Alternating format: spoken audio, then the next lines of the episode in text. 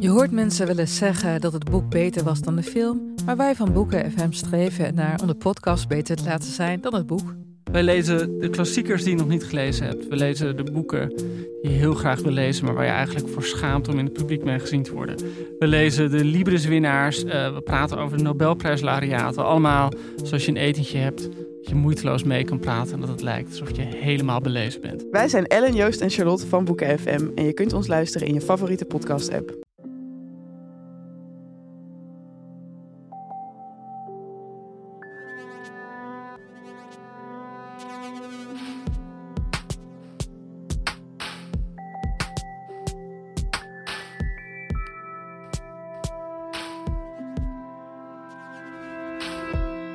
Hey, ik ben Pieter van Relaas. In Relaas hoor je waar gebeurde verhalen en die worden verteld door de mensen die ze zelf hebben meegemaakt. En ik beschouw het mijn taak als relaaspresentator om aan te tonen dat elk relaasverhaal, hoe speciaal het ook is, ook universeel kan zijn. Met andere woorden, het kan jou en het kan mij ook overkomen. En ik geef toe, soms is dat eventjes te zoeken, want niet iedereen fietst in zijn blootje op een moto achteruit de Himalaya op. Maar voor het verhaal van Tessa hoef ik echt niet zo lang na te denken. Want wat is er universeler dan dit relaas?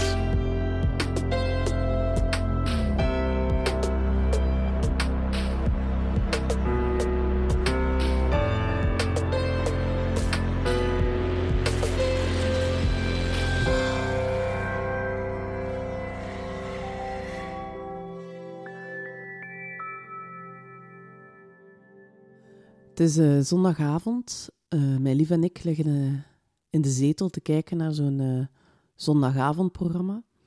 En plots laat ik een scheet. Mijn lief die begint kei luid te lachen. Maar echt zo van dat deugddoend, vol gelach.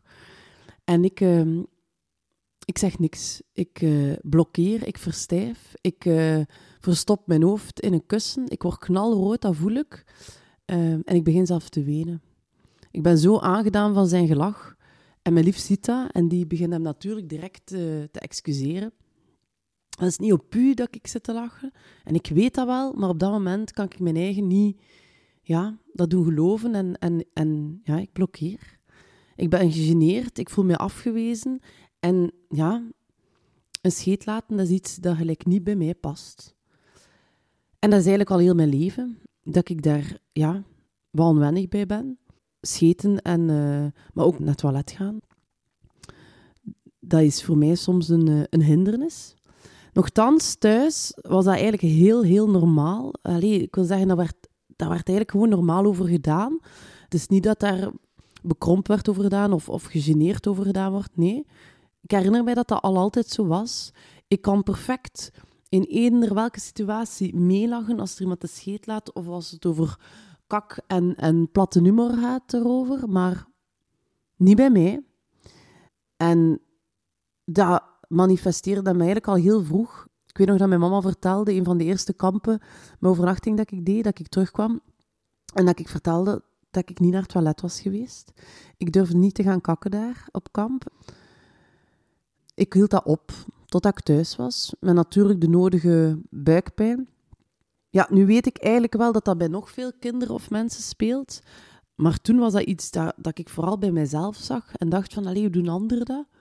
Nochtans belemmerde mij niet om dingen te gaan ondernemen. Ik, het is niet dat ik daardoor niet ging gaan logeren of niet op nog kampjes ging of, of allee, overnachting, dat, dat mocht er wel bij of, of een daguitstap of zo. Het is niet dat ik heel tijd bezig was van hoe ga ik naar het toilet gaan. Dat was zo niet. Maar op het moment zelf dat ik voelde, oei, nu moet ik wel gaan, ja, dan zocht ik naar plannetjes en naar oplossingen om dat ofwel niet te moeten doen, ofwel dat dat in een zo ideaal mogelijke situatie was, dat ik mij daar eigenlijk echt comfortabel bij voelde. Dat is heel raar, maar als ik niet op een ander moet gaan, dan ga ik het liefst naar mijn eigen toilet. Ik ben echt mega jaloers op mijn lief. Die kan eender waar naar het wc gaan. Bij mij is dat niet zo. Ik zou nog veel liever het ophouden dan ergens anders toe moeten gaan. En ja, al heel vroeg had ik dat door. Dus ik, ik trainde dat eigenlijk ook. Ik hield dat zo lang mogelijk op en natuurlijk weet ik dat dat niet gezond is. Maar ja, je wordt daar eigenlijk wel goed in. Je wordt goed in uh, ja, een, scheet op te houden, die verdwijnt dan, maar ook om je, om, ja, stoelgang op te houden. Natuurlijk, op een gegeven moment, ja, ehm, is je lichaam toch de sterkste en moet je toch overgeven. Maar de, ja, het doel is eigenlijk altijd om dat zo lang mogelijk uit te stellen. In het zesde leerjaar gaan wij op C-klas. En dat was iets waar ik eigenlijk vrij naar uitkeek. Dat is zo'n beetje hè, in het zesde leerjaar u, een van de hoogtepunten van uw laatste jaar in de lagere school. En ik herinner me nog dat dat redelijk in het begin van het schooljaar was.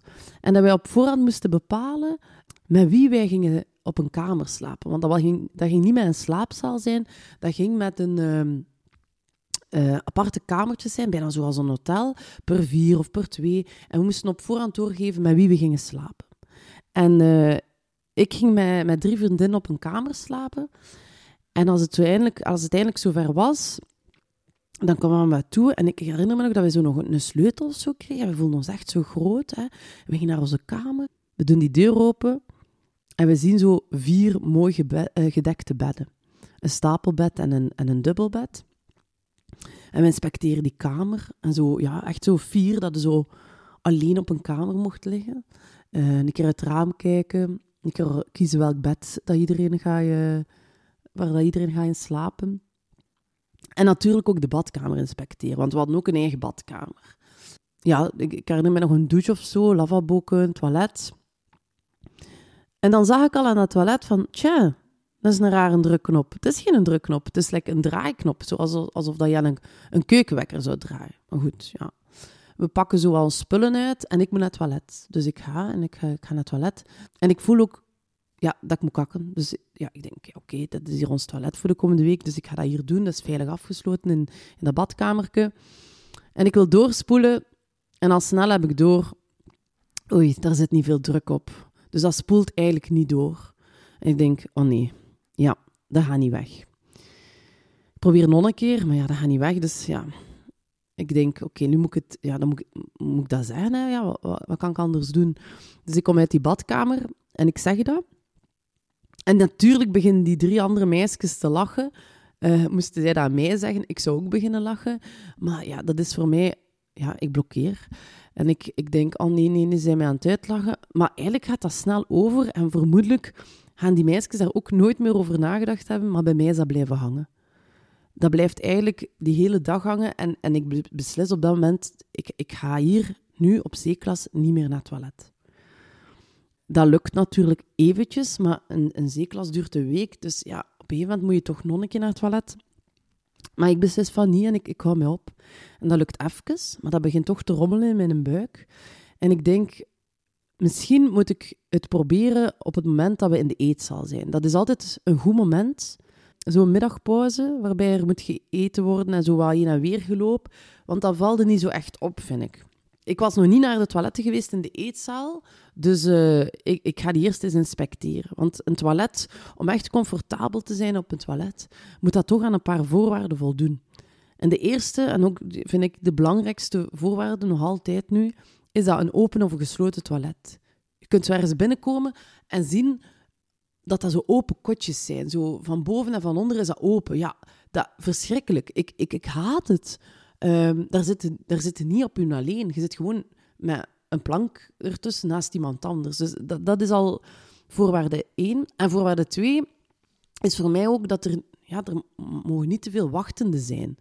Als je zomaar één of twee toiletten hebt en je hebt een hele rij mensen die er wachten, ja, dat, dat lukt dus ook niet. Dus ik ga, ik ga op zoek naar die toiletten, die eetzaal. En ik zie, ja, zalig, afgesloten kotjes, maar superveel mensen daar staan. Dus ik denk, oké, nu niet. En ik ga terug. Ik begin zo al wat te rillen. Zo mij wat ja, ziek te voelen, een beetje grieperig. Ik heb kou.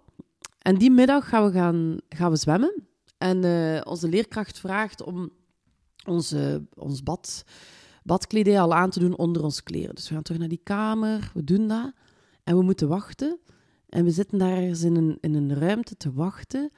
En plots voel ik, ik weet niet hoeveel luchtophoping spanning in mijn darmen. En ik denk, oh nee, ik moet hier echt, ik moet hier lossen, ik moet hier lossen. Dus ik begin zo wat ja, rond te lopen of zo. En ik probeer heel voorzichtig te lossen. En plots voel ik, oh oh, er is iets in mijn broek. En ik verstijf opnieuw. Ik denk, wat moet ik nu doen?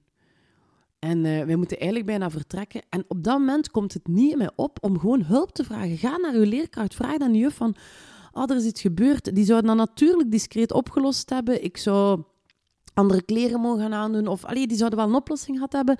Maar op dat moment denk ik, nee, ik vertel dat aan niemand. Ik los dit hier zelf op.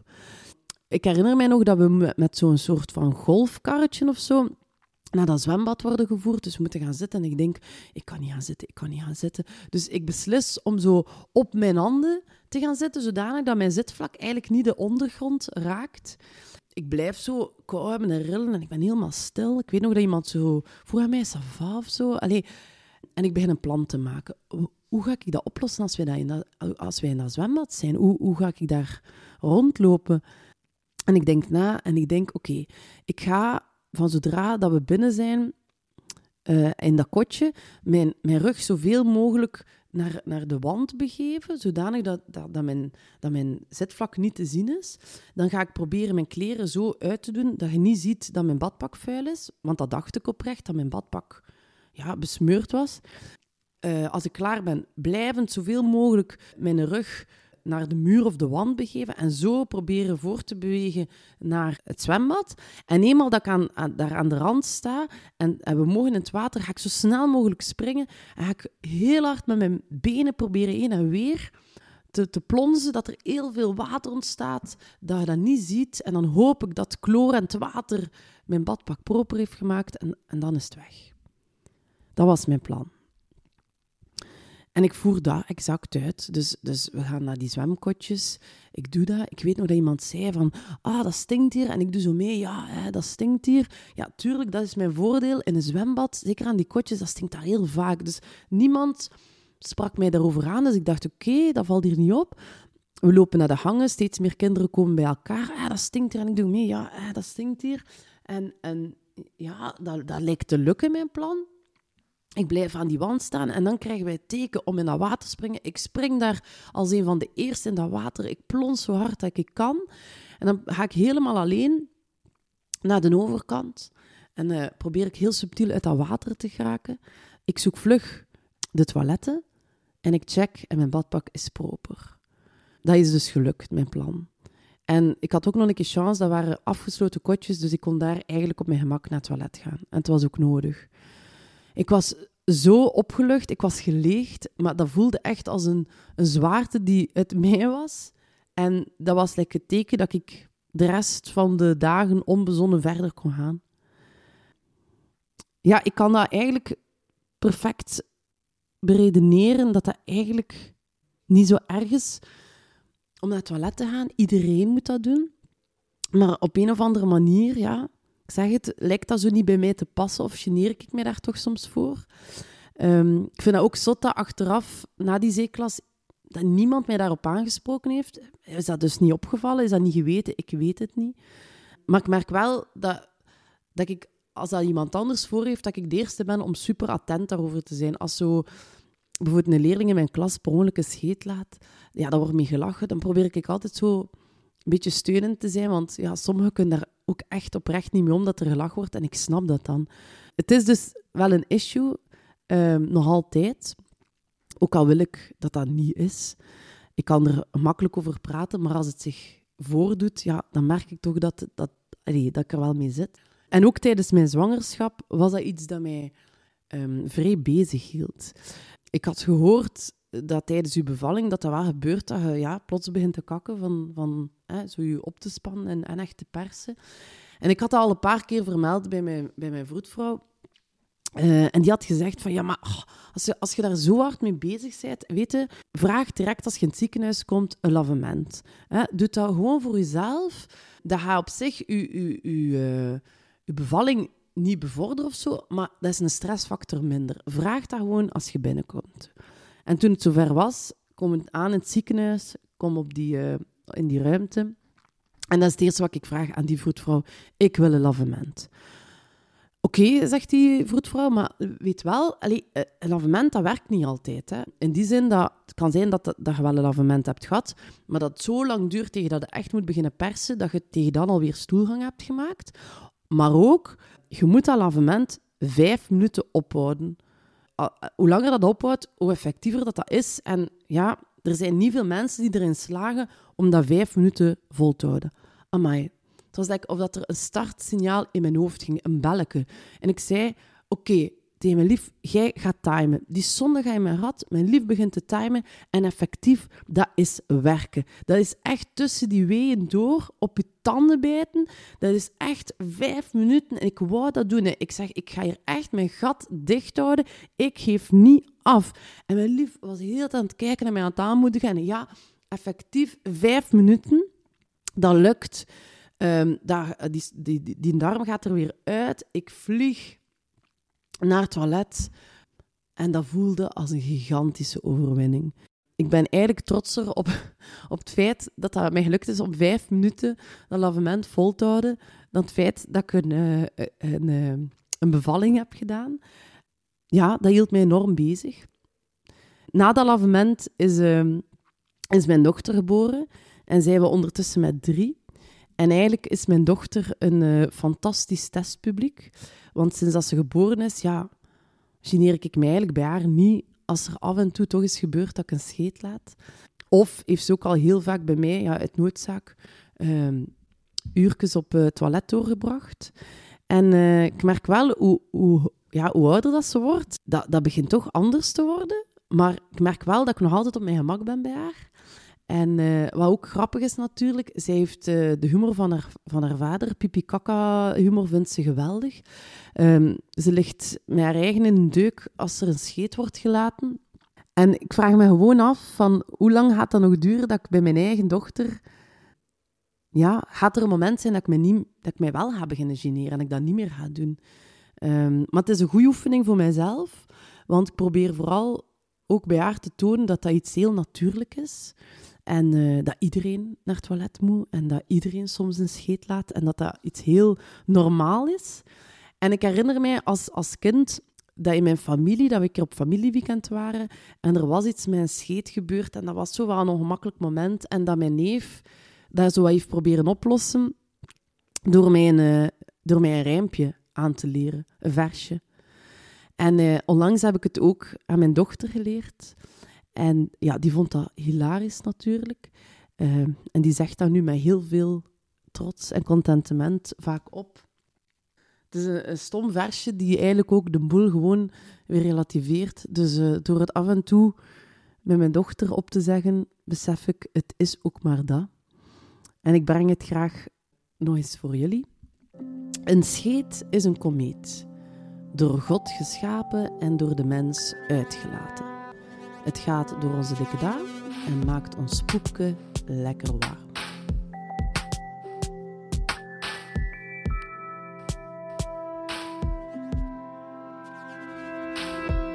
Dat was het relaas van Tessa. Ze heeft het verteld aan haar voordeur, want ze doet dat tegenwoordig. Wij komen aan jouw deur staan met onze microfoon en dan nemen we je verhaal op. Tessa heeft al eens verteld bij ons. Ze had het toen over haar moederschap en hoe ze ermee omging met dat nieuw gevoel van moeder zijn en dat dat niet altijd evident was. En Tessa die werkt ook mee aan relaas. Dus de kans is groot dat ze nu het relaasmuziekje straks onder mijn stem zal zetten vooraleer deze podcast bij jullie in jullie mailbox of jullie podcast-app belandt.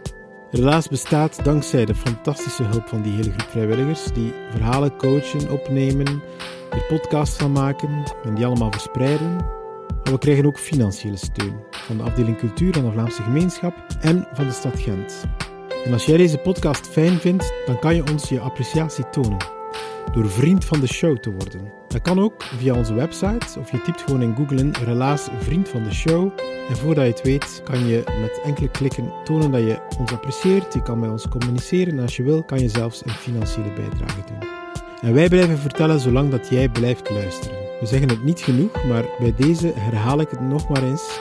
Dank je wel om steeds week na week naar ons te luisteren.